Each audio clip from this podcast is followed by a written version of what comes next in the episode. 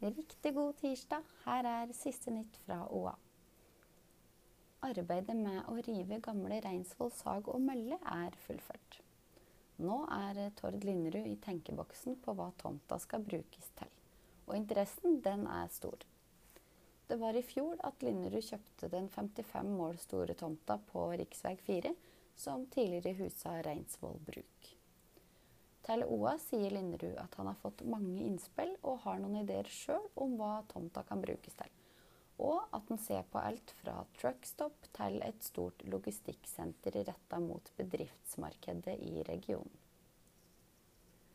Stølsli Biovarme AS erobrer stadig større deler av Beitostølen. Nå søker de om å få bruke trevirke fra miljøstasjoner som en del av oppvarmingen av fyrkjelene. Anlegget ligger ved byggefeltet Stølsli sør på Beitostølen. Ifølge medeier Tor Okshovd har anlegget i dag kapasitet til å forsyne sentrum opp til Bergo hotell.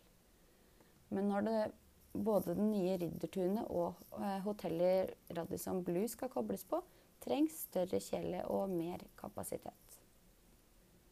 I oktober 2018 starta arbeidet med å gi nytt liv til det gamle næringsbygget i sentrum av Hov.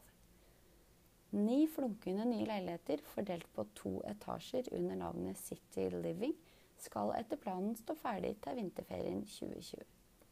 Les mer om saken og andre saker på oa.no.